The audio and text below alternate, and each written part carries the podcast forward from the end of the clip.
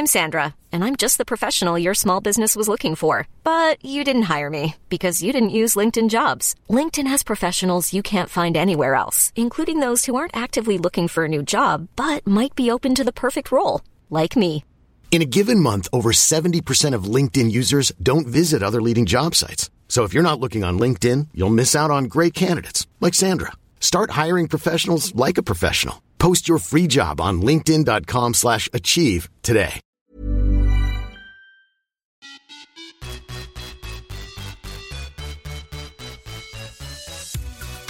Nu hoppar vi in i ett nytt avsnitt av Viss och Svärm on the run. Eh, och idag så är vi på två helt olika platser. Jag är i Portugal och du Sara, du är hemma på din lilla ö i Stockholm. Yes, hälsningar från Storholmen. Så mysigt. Och gud, jag eh, har sett dina Instagram och jag har ju faktiskt varit i Portugal, Montegordo, precis där du är. Antagligen till och med samma hotell för jag har också varit med Springtime Travel. Och eh, alltså de där soluppgångarna, morgonjoggen på stranden. Gud, jag bara längtar tillbaka. Det är typ det, är typ det härligaste. Det var nästan det härligaste på, på de där resorna tyckte jag. Fast jag varken är en morgonträningsmänniska eller att jag inte ens brukar köra någon eh, morgonjogg eller så heller. Men det, var, det är fantastiskt. Det är, ja, det är så magiskt fint. Alltså soluppgången är så fin här. Eh, idag när vi sprang så var det de finaste. Än så länge det var liksom det var bara jätteklar orange. Riktigt så brinnande himmel liksom. Det var så så fint. Och liksom börja dagen med det varje morgon är bara fantastiskt. Eh, så jag håller helt med dig där alltså. Jag minns att jag hade varje morgon, för det var ganska tidig väckning om man ska med på den här. Och jag kommer ihåg att varje morgon så tänkte jag så här, nej vet du vad, jag, jag skippade nog den här morgonen och stängde av larmet och sen bara ligga och så tänkte jag på den där soluppgången och jag bara nej för tusan. Och så bara fort på med kläderna och så ut och så stod man på stranden just innan och jag bara, gud vilken tur. Gud vilken tur att jag tog mig hit. Att jag bara, för det var, det var värt det varenda gång. Men varje morgon bara, nej jag skippar nog det. Ja men det är verkligen det. Och jag är ju här som du sa, jag är här på träningsresa med Springtime Travel eh, som löpcoach. Och eh, ja, det är verkligen jättehärlig resa så här långt. Eh, det är jättebra ledare inom olika liksom, nischer eh, i, trä- i träningen. Och eh, alla deltagare som är här, de är ju här verkligen för att träna, prova på nya saker, ha kul, träffa nya människor. Så alla är verkligen så, här, så himla positiva och eh, alltså härliga. Eh, och många resenärer de åker själva. Det tycker jag är jättetufft. Ja, jag har ju varit Men två de gånger. liksom nya. Ja. Och en av gångerna då åkte jag själv. Och jag kan säga att det var, alltså det var typ det bästa. ja. För att man ha, då fick man ha, jag hade eget rum och jag kunde dra mig tillbaka precis när jag ville. Jag kunde gå och lägga mig när jag ville. Jag kunde, alltså så här, och bara varva ner.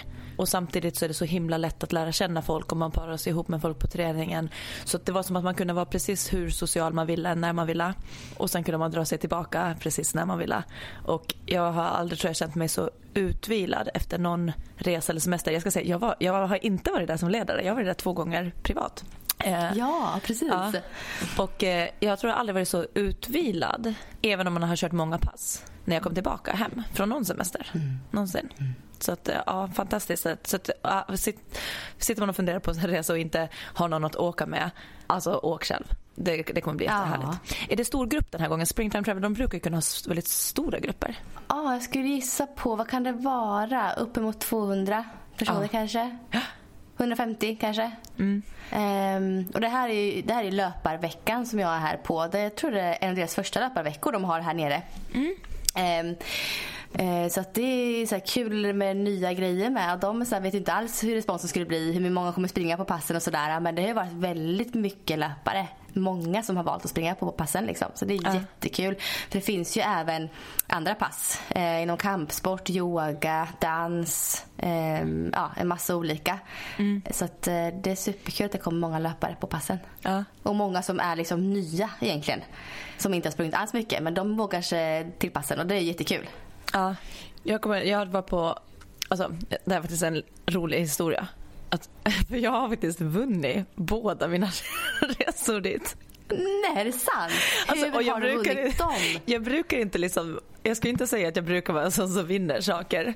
Men det där är helt sjukt för det är två helt olika tillfällen. Den första resan, då var jag så här på, jag jobbade, hade jobbat som PT kanske två, tre år, bodde nere i Kalmar och så. Så var jag upp till Stockholm, till Bosön på så här eh, PT-dagarna hette det, så var PT-konvent. Så det var massa workshops och vidareutbildningar som man kunde eh, så här, gå och inspireras av eh, under två dagar tror jag att det var eh, på Bosön. Och då var det så här på att man fick så här, det var en liten tävling där man skulle gå och för, få besöka alla montrar som var där och få en signatur att man har varit i deras monter. Och med det sen så skulle man lämna in och så var det lotteri bland alla då som har haft alla signaturer och så var det massa olika priser. Och det var typ så här i slutet på andra dagen som jag bara så här tänkte, tänkte ja gud jag har inte alls varit i alla montrar. Och sen så började jag höra med mina, någon kollega som var med och någon annan så här, har ni varit så här? Och de bara nej jag orkar inte, jag skippar det. För det var ju kanske en 50 stycken som man skulle besöka eller någonting sådär. Men sen när jag började höra så hörde jag så här, men gud alla skippar ju det. Mm. Alltså, och då fattade jag att det skulle lottas ut bland de som har. Och jag visste att det var en resa. Så att jag bara så här, gick tio minuter tidigare från lunchen och bara nu ska jag gå ner och samla signaturer. Gud vad roligt. För att det bara slog mig så här, bara, det är ju så många som inte kommer orka göra det här. Det kommer inte vara många ah. som det Nej. kommer lottas ut bland. Och sen så gjorde jag det och så lämnade jag in det så här. och sen började de eh, så här, med prisutdelningen då sista av allt på hela den dagen. Och då var det så här kettlebells och man kunde, det var massa fina priser. Och då drogs det ju folk hela tiden och jag bara, det blir ju bara färre och färre kvar. Och jag vet att det kan inte vara jättemånga som ens, så när det var huvudpriset var kvar då hade de inte dragit mitt namn ännu. Så tänkte jag så här, det, det kan vara jag. Och så de bara, och resan till Portugal med Springtime Travel går till Saravis. Gud vad härligt. Och då fick jag ta med en kompis. Jäklar. Också. Ah. Så det var jätteroligt. Oh, vad bra. Så då var jag mm. där och sen kan det ha varit, vad kan det ha varit, tre år senare så blir jag taggad, eller jag blir, ja, jag blir taggad i någonting på det Facebook då tror jag. Och då var det så här Maxim, alltså det eh, kosttillskotts mm. företaget. De hade en tävling ihop med gladiatorerna där man skulle utmana gladiatorerna i olika så här fystester och det var typ burpees, chins, armhävningar och bla bla. Och så kunde man vinna en resa. Och så började de tagga mig och sa Sara där borde det vara mig. Och så gjorde jag det, man skulle filma då när man gör, gör sina fysgrejer. Och så vann jag en gång till och de hade ju ingen aning om att jag vunnit en gång förut på ett helt annat ställe. Nej men gud, hur stor chans liksom? Ja, men exakt, vad är chansen? Oddsen att jag har varit, ah. så jag har varit två gånger till Montegordo privat på resor ah. som jag har vunnit. Men jag kan verkligen rekommendera det. Alltså, även om, jag, alltså, så här, om man inte vinner. Det är alltså, så härligt. Men det är en lite rolig grej bara. Vem går och vinner två ja. resor till samma ställe? Alltså det händer ju inte. Nej. tänker jag. ja. Uh. Ja, och den andra resan då som jag vann då med Maxim, då var det lite mer fokus på crossfit eh, på den ja, resan. Så den det var finns lite, lite sådana pass här också ja. som liknar eh, crossfit-inspirerat. Ja. Mm. ja.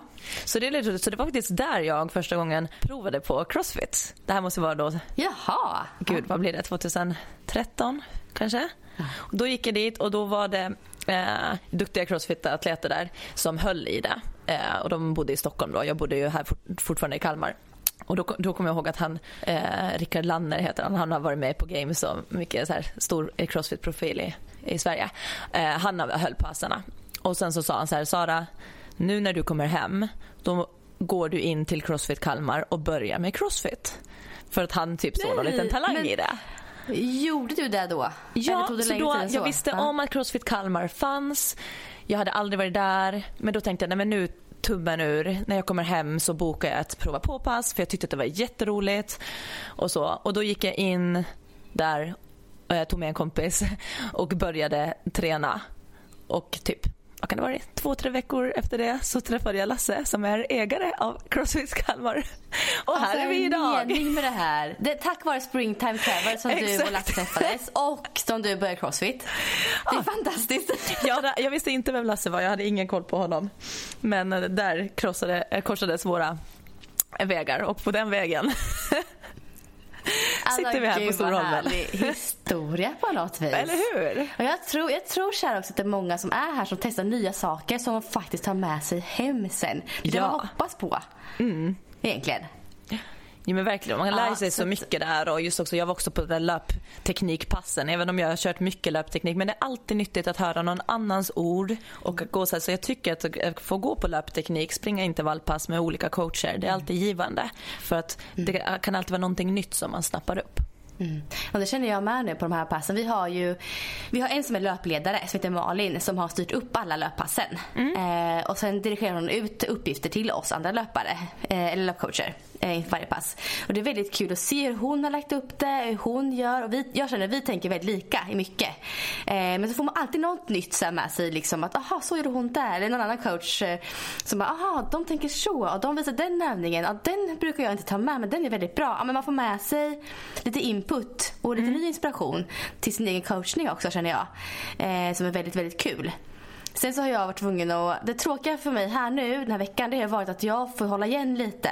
Jag kan inte gå all in i min löpning. Precis, jag tänkte just eh, fråga, jag, hur går det med, med foten och mm, att coacha så många pass?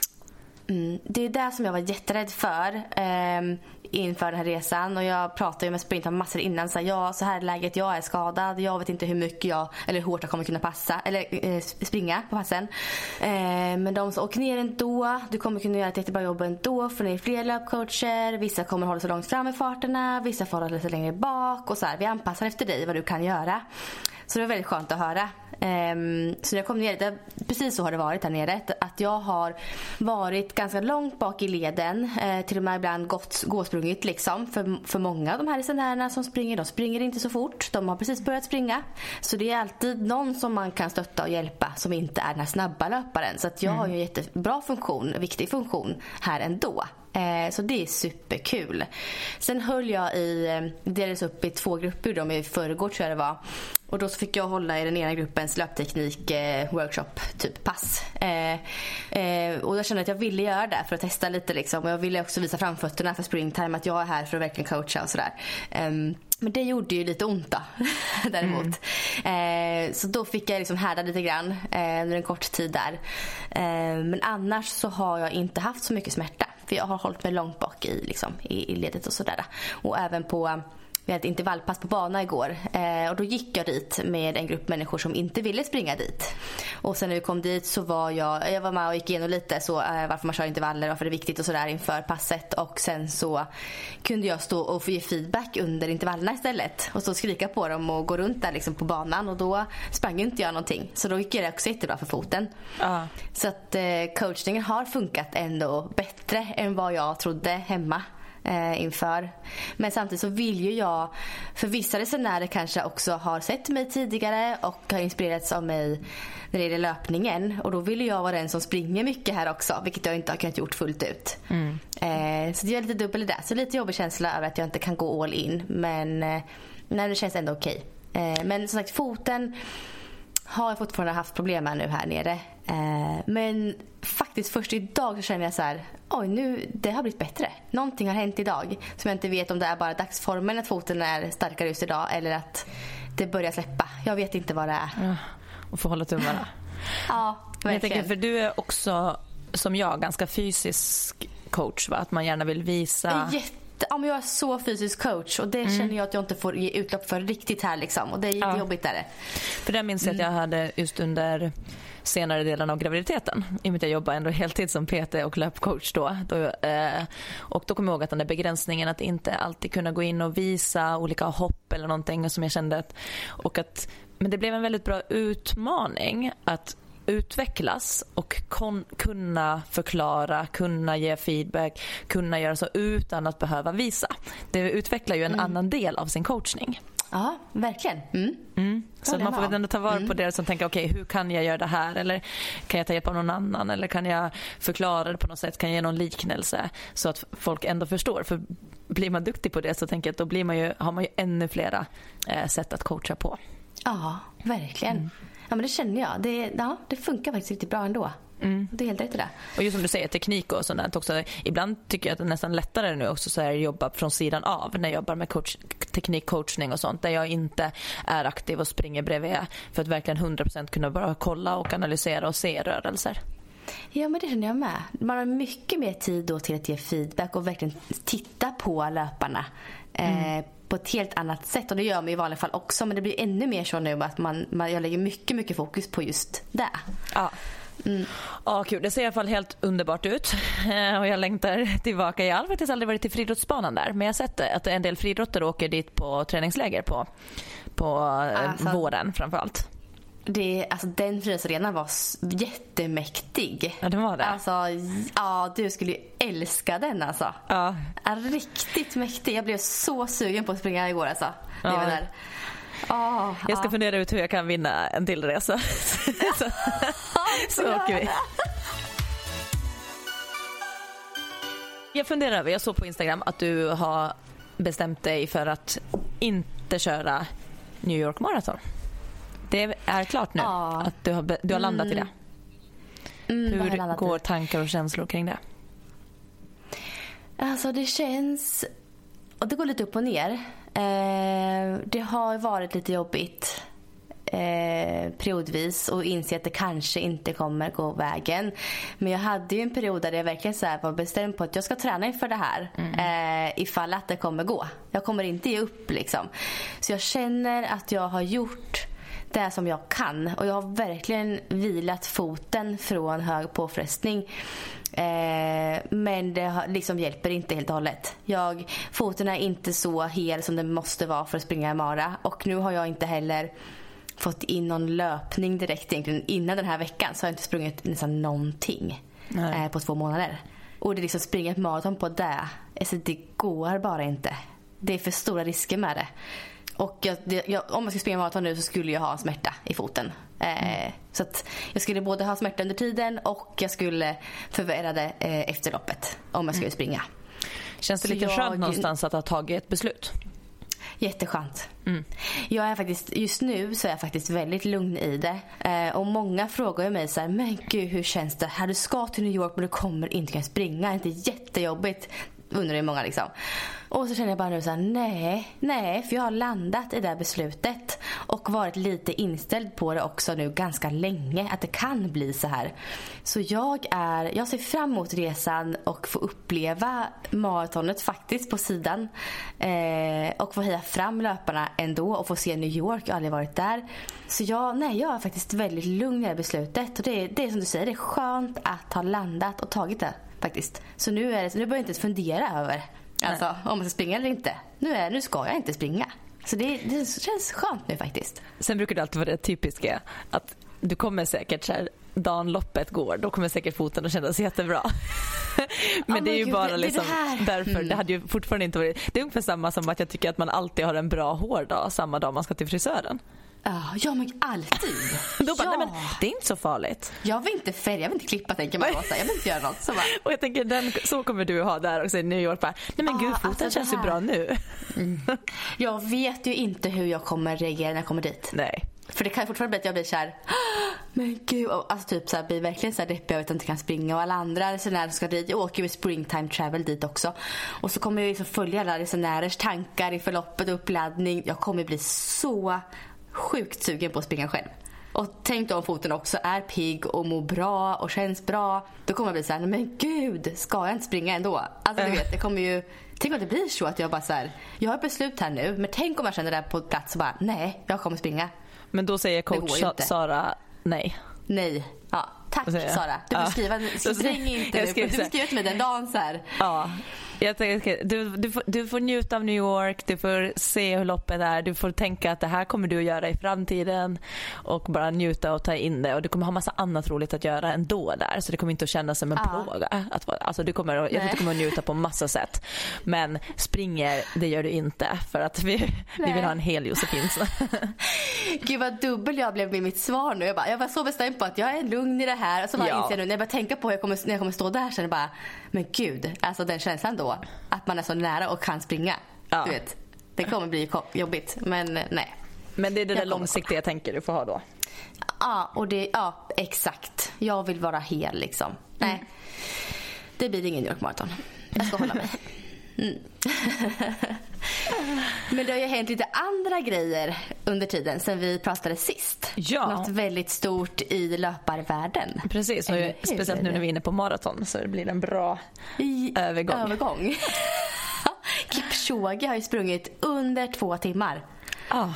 Det är det här alltså, Alltså, Nike-projektet, om det är någon som har missat det så är det att eh, det, är, ja, det är egentligen Nike som har dragit ihop ett projekt där de har haft eh, vilja kolla om det finns möjlighet för en människa att springa under två timmar på maratonsträckan. Och det var där, de har gjorde ju det ett försök första gången, de drog igång det här typ eh, hösten 2016 tror jag att det var som de började planera eh, det här och ta ut ett team och sånt och så gjorde de ett försök i maj 2017. Då hölls det i Monza, som, där på deras, eh, en Formel 1-bana som bland annat Kipchoge och två andra löpare också som alla tre försökte ta, ta det då under två timmar. De valde Monza också just bara därför, för de försöker ju leta så här bästa förhållande, bästa, eh, bästa sättet lättaste sättet att kunna göra det. Och då gjorde de det där för att det var liksom låg höjdmeter över havet, det var eh, låg kall temperatur, vilket man helst vill ha när man springer maraton. Och eh, läktare runt som kunde ge lite vindskydd och eh, mm. ja, en kort bansträckning så att de fick springa flera varv runt samma för det är tydligen en för, fördel.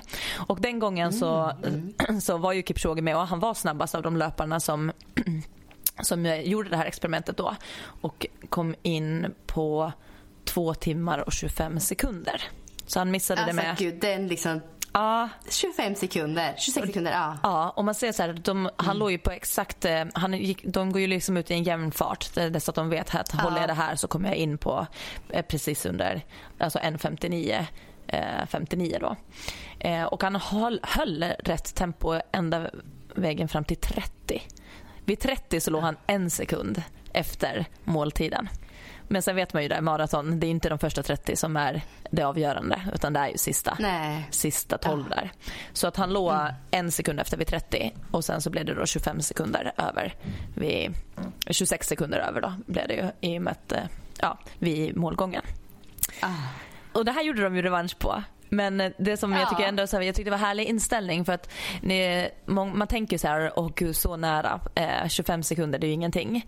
Eh, Medan Kipchoge själv då, eh, han sa ju liksom att innan experimentet i Monza så visste han inte själv liksom ens om det skulle vara möjligt för då hade de ju sprungit på vad var det, 2.02 någonting då, världsrekordet. Mm.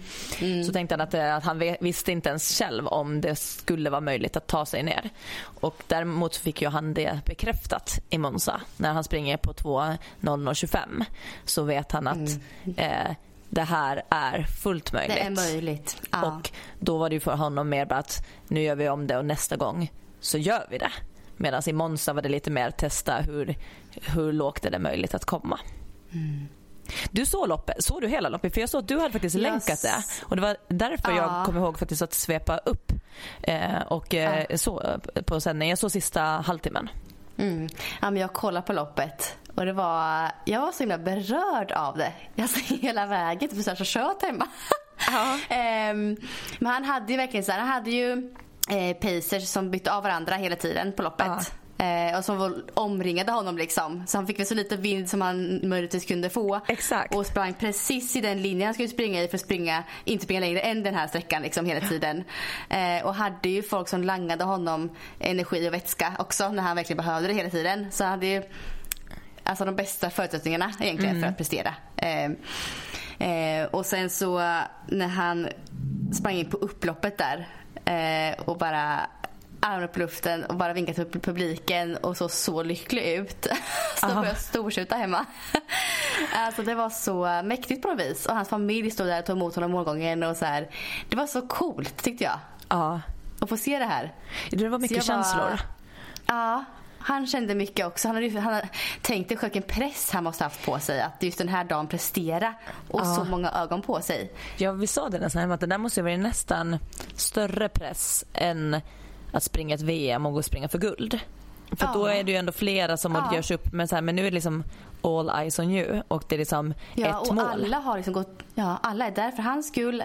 De som springer är där för hans skull. De som langar mm. där för hans skull. Alltså, alla som har förberett alla, alltså med, med uppmätt bana och allt det här. Alla, alltså, alla har gjort det här för honom liksom. Ja. Och han måste prestera just den här dagen. Ja. Eh, så det är väldigt coolt att kunna mentalt göra det tycker jag. Ja men verkligen. Han klarar av det. Mm. Och att det, det, som så, det, här... det såg kontrollerat ut hela vägen. Det var liksom aldrig, de låg väl aldrig uh, över i tid. De låg någon sekund under. Under hela tiden ja. Ja, så det var ju liksom aldrig mm. att de hamnade i fel marginal åt andra hållet. Nej, nej, de höll jättefint och jämnt tempo hela tiden åt rätt håll som sagt. Eh, ja. Men det här, är ju som, det här är ju inget världsrekord. Det här är ju bara... Nej. Det här räknas ju inte som världsrekord. Han har ju världsrekordet sedan tidigare. Från förra året, Berlin Marathon. Ja. På 2.01.39. Tror jag yes, så det är, ju, det är ju eh. fortfarande en bit ovanför två. Men det där har jag fått ja. flera frågor om. Så här, men vadå, om man har sprungit eh, under två timmar nu, varför räknas det inte som världsrekord? Det är flera som har frågat. Eh, och jag tänkte så här, förklara lite vad det krävs för att det ska få räknas för, som världsrekord. Och det var ju precis den största delen, det var ju det du var inne på här nu, att de har ju på det här loppet, i och med att det här loppet, de, Nike och Kipchoge Eh, de har inte varit ute efter att ta ett världsrekord. De har varit ute efter att kolla om en människa kan springa under två timmar, alltså om det är fysiskt möjligt. Mm. Och då den största skillnaden som skiljer sig åt på när man springer ett vanligt lopp, en vanlig tävling där världsrekord räknas, det är ju det här som du sa att harar byttes ut under loppets gång. Och Det är nog den största Precis. skillnaden på när du springer mm. för ett världsrekord eller liksom mästerskap överlag. Du, man har ju harar ofta med som är med och drar och håller tempo.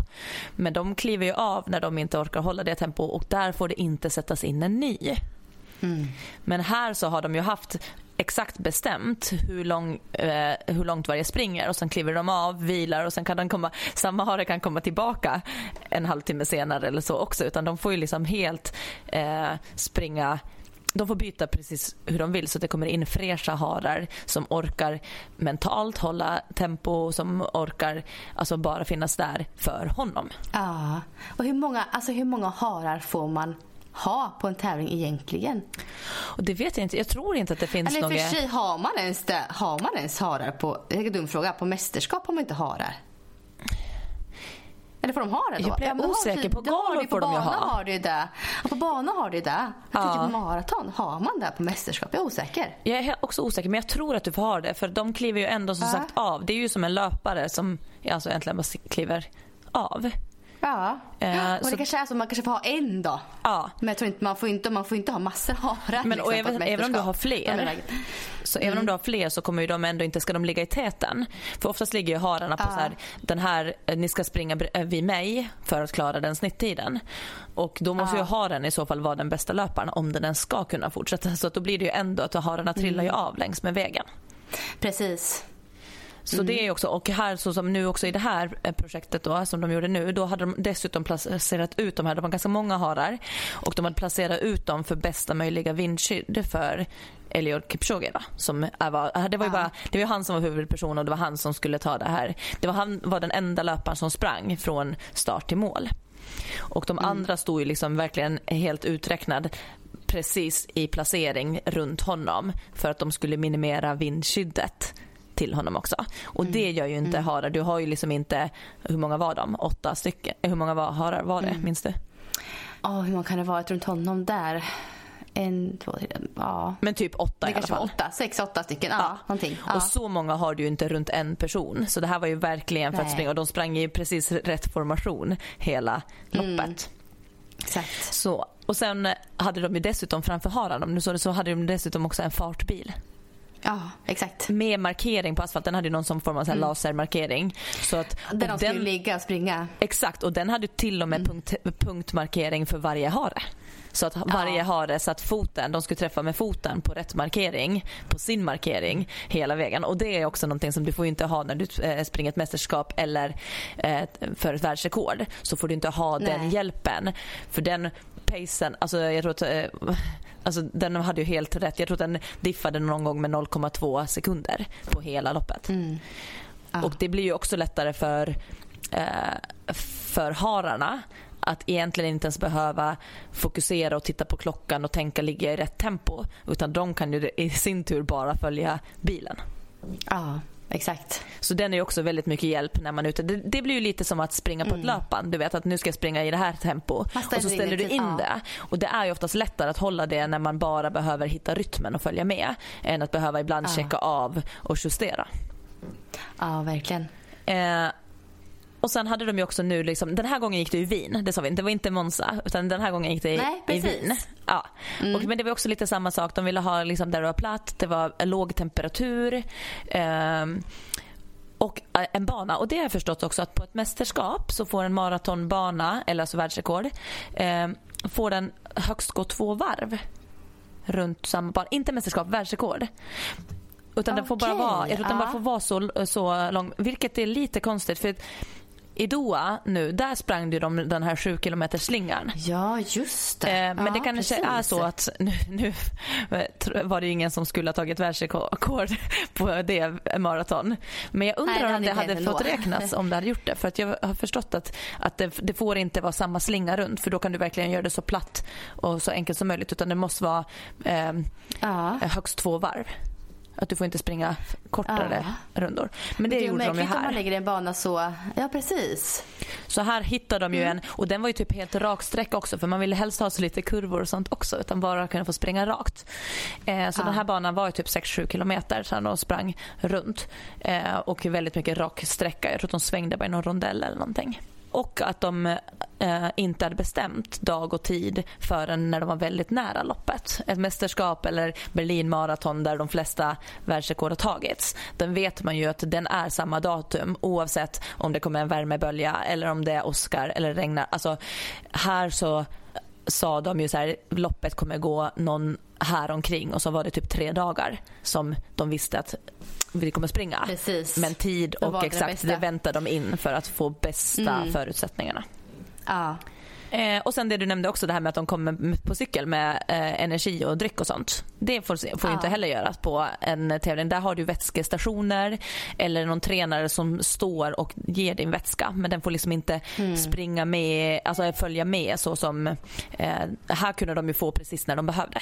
Annars ja, har du utsatta exakt. stationer där du får din energi eller vätska. Så de gjorde mm. verkligen allt de bara kunde för att underlätta. Sen tänker jag också mm. lite mentalt att veta, okej okay, nu var det ju press på han såklart, men också mentalt att det ja. handlar inte om placering eller taktik utan nu är alla löpare runt omkring dig där bara för att lyfta dig och göra dig bättre. Till skillnad från när du springer ett lopp där det kanske är lite taktik och du tar rygg på någon. Ja, och, konkurrenter istället. Som, exakt, ja, och lite ryckigare och lite så här. Man vet inte när mm. någon lägger i en växel till. Här visste du att det kommer mm. vara exakt samma tempo hela vägen. Mm. Mm. Så det tänker jag kanske också ja, var, gör var... det lättare. Ja.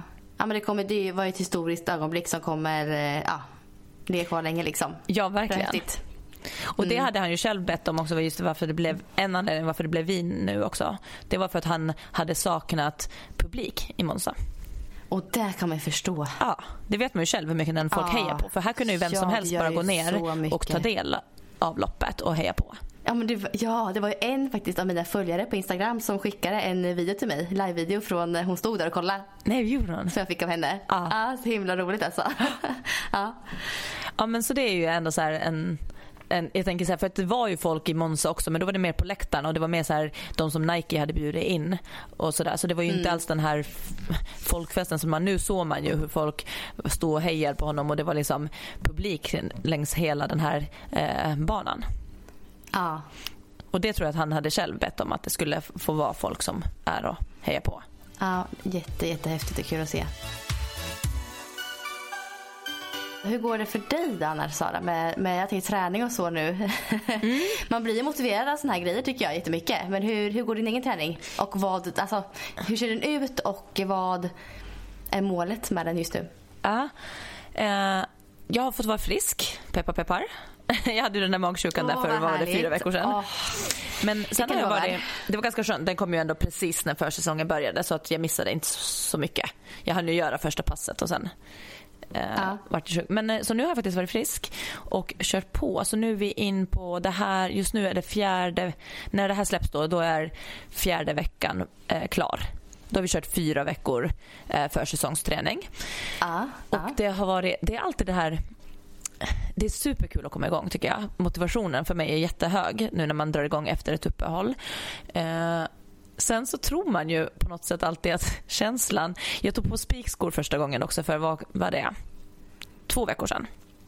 Så första två veckorna på försäsongen då var det bara joggingskor, vi gjorde lite allt möjligt. Eh, och sen så efter två veckor in så då körde vi första spikskopasset. Och man, sist jag hade på spikskor, det var ju liksom i Skara när jag sprang mitt snabbaste lopp. Och då har man ju någonstans den känslan kvar i huvudet. Och så här ja, är det ju alltid när man ja. har haft ett uppehåll. Att det är så lätt att jämföra sig mot sist. Och då var man ju Eh, på slutet av sin säsong. Det här känner säkert folk igen också när man har haft en säsong, tagit lite paus och så ska man börja springa igen. Och så jämför mm. man sig med känslan som man hade sist och då var man ju liksom i sin bästa form och hade sprungit som mest. Så man måste ju försöka komma ihåg att jämföra sig mot samma tidpunkt förra året. Förra året. Exakt. Ja. Så där kan det kännas i gymmet också, vet du, om man har sprungit en hel sommar och sen ska man gå in i gymmet. Då minns man ju bara vikterna man tog sist men man glömmer bort att man har byggt upp de vikterna under några månader. Ja. Ja. Så jag tog på spikskorna och sprang och du vet det var bara så här wobbligt. Alltså du vet, det var vingligt. Ja, ah, det kändes som ny liksom. Ja, det var lite bambat. Så här, jag skulle springa ah. mina intervaller och sen så känner man så att man sjunker igenom ibland på något steg och bara hopp, wobblar till lite, kommer upp igen, wobblar till så att höften sjunker ner lite. Och så var ju första passet så man kände bara så här gud vad det kändes vingligt och in, alltså inte alls så snabbt. alltså så där känner jag också när jag haft uppehåll. Men som nu med foten i två månaders uppehåll med från löpningen. När jag skulle börja springa här nere nu först igen. Jag bara, gud jag kan inte springa. Hur fanns? Alltså du vet, så jag känner mig vinglig och okoordinatorisk och vet allting liksom. Ja. Jättemärklig känsla. Innan man kommer in i det igen liksom. Alltså jag fattar vad du menar. Ja. Så ja. Men sen redan andra passet så kändes det bättre. Och nu ligger vi ungefär på 85-90% av maxfart så det är fortfarande inga maxningar.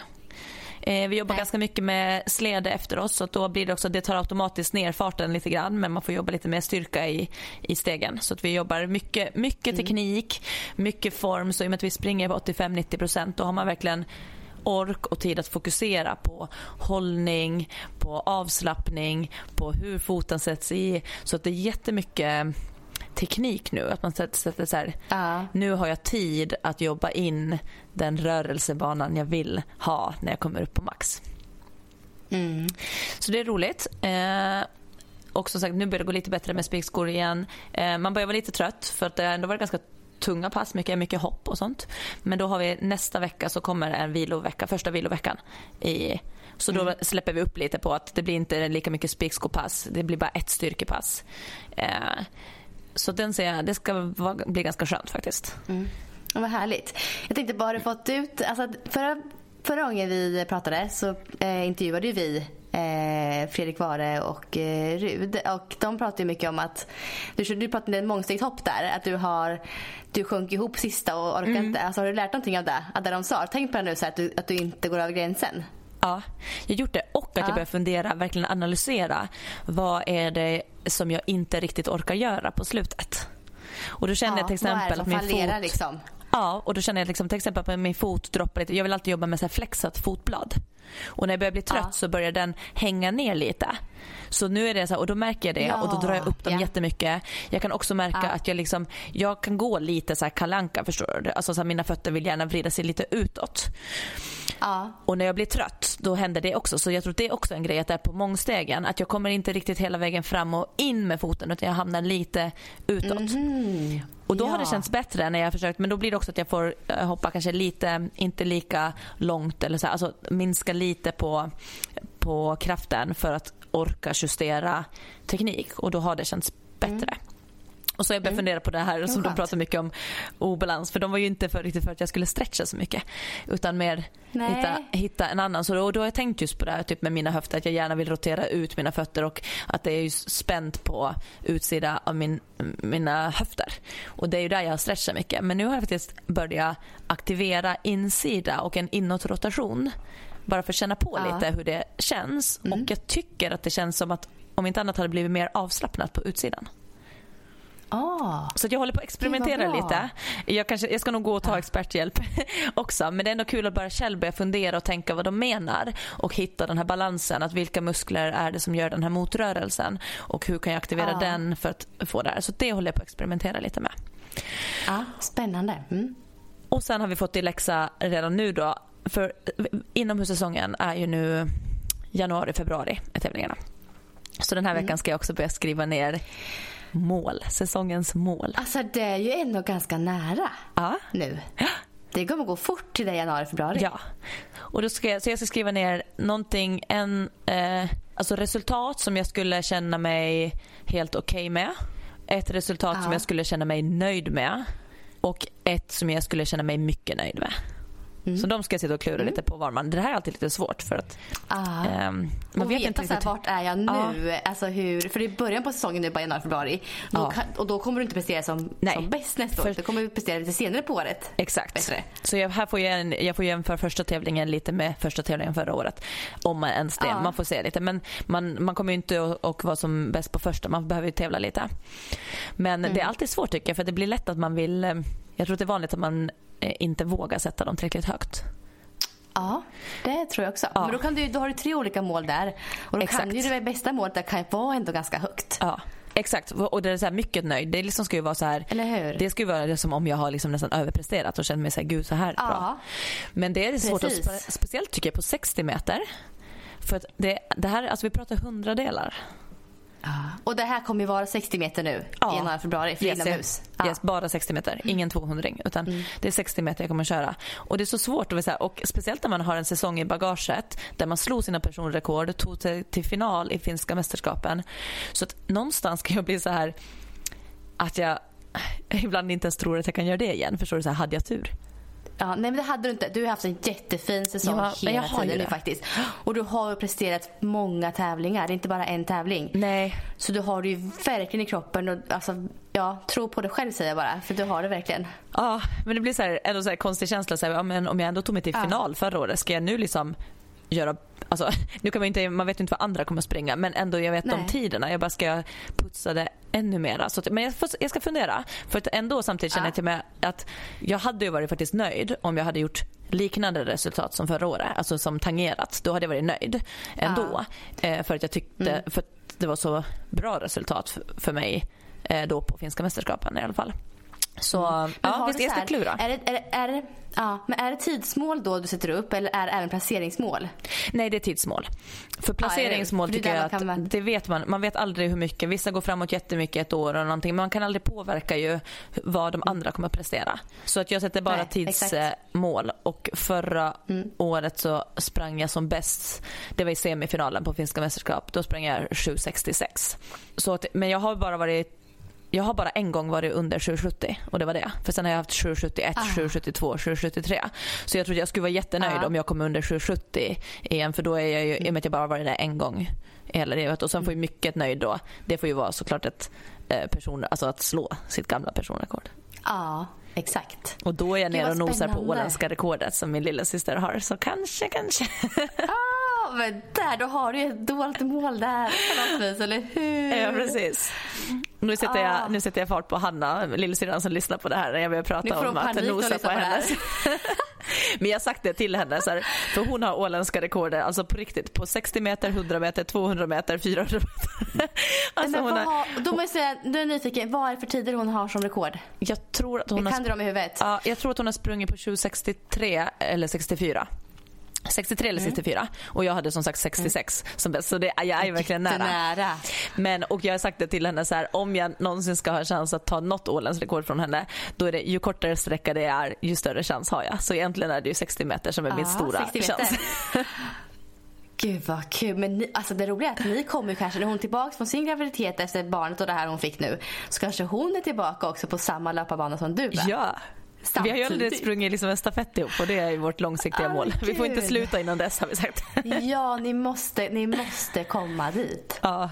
Gud vad härligt. Mm. Men det blir kul. Nej, men så det, eh, där är jag nu. Försäsongsträning, vilovecka nästa vecka för att släppa upp lite. Sen efter den kommer vi gå upp lite till i procent. Vi kommer springa lite snabbare, 90-95. Eh, och som sagt målsättning och planering. Det är kul. Ja, och nu har du alltså mål på kort sikt. Gud vad härligt. Mm. Det är, det är liksom helt tvärtom mot min sits är just nu. Jag måste ju bara så landa och backa lite i träningen och göra annat än att springa och så här. Helt annat verkligen. Och börja om från början känns det som lite för mig. Mm. Eh, och ha mer, något mer långsiktigt eh, mål som inte är Alltså det är inget så här, jag kommer inte ha något stort prestationsmål först jag har. Nu mitt mål är egentligen att bli, komma tillbaka. Och bli eh, skadefri ja. egentligen. Jag säger, alltså alltid, mm. har man smärta så måste det vara prio ett. Smärtfri. Ja det är absolut alltså alla gånger. Ja. Och sen mm. tänker jag att det skulle bli kul att se nästa sommar för det har ingenting, ingenting liksom med prestation att göra. Men att du ska göra ett swimrun. Jag vet. Det tycker jag. Det, ser jag fram emot att liksom se. Alltså, för det är också ett mål verkligen ett mål. Eh, och bara tänker på så blir jag så himla nervös. Ja. alltså, gud. Ja. Jag var och simmade här i bas- vi har en liten bassäng på hotellet där nere. Den är väldigt kort. Ja. Men så här, om man är nybörjare som jag är så, så här, det var ganska lagom. För då fick jag liksom inte den här andnöden. Jag klarade en längd utan att få andnöd. Jag bara åh. så här, några simtag bara liksom för att träna tekniken. Ja, så det blir, ja men det är ju faktiskt mitt näst, nästa mål. Ja. Det är swimrun i sommar. Mm, men helt prestigelöst. Ja, och det ska men vi påminna om att mål mm. behöver absolut inte handla om sekunder och hundradelar och det behöver absolut inte ens vara prestation. Inte. Nu är det bara där jag är Nej. just nu så tycker jag att det är väldigt kul att eh, tävla och på den nördiga nivån. Men det ska, ja. jag skulle säga att det är inte för de flesta att göra, göra det. Nej, verkligen inte. Ja, men super, super kul. Också olika vi är just nu i träningen. Men det är jätteintressant. Mm. Så är det ju. Mm. Ja, men nu ska jag då fortsätta min eh, härliga dag här i Montegordo i Portugal. Eh, och ha lite löppass och eh, köra något mer pass själv kanske. Jag får se vad jag hinner med idag. Eh, så får du fortsätta jobba hemma i eh, Stockholm. Det ska jag göra. Jag ska så, gå ut och ta en härlig höstpromenad för det är verkligen fint här hemma också just nu i alla fall. Ja, oh, gud vad härligt. Fantastiskt. Eh, så hörs vi igen nästa vecka. Det gör vi. Njut och ha det underbart. Mm. Ja, det ska jag. Du med. Hej då. Hej då.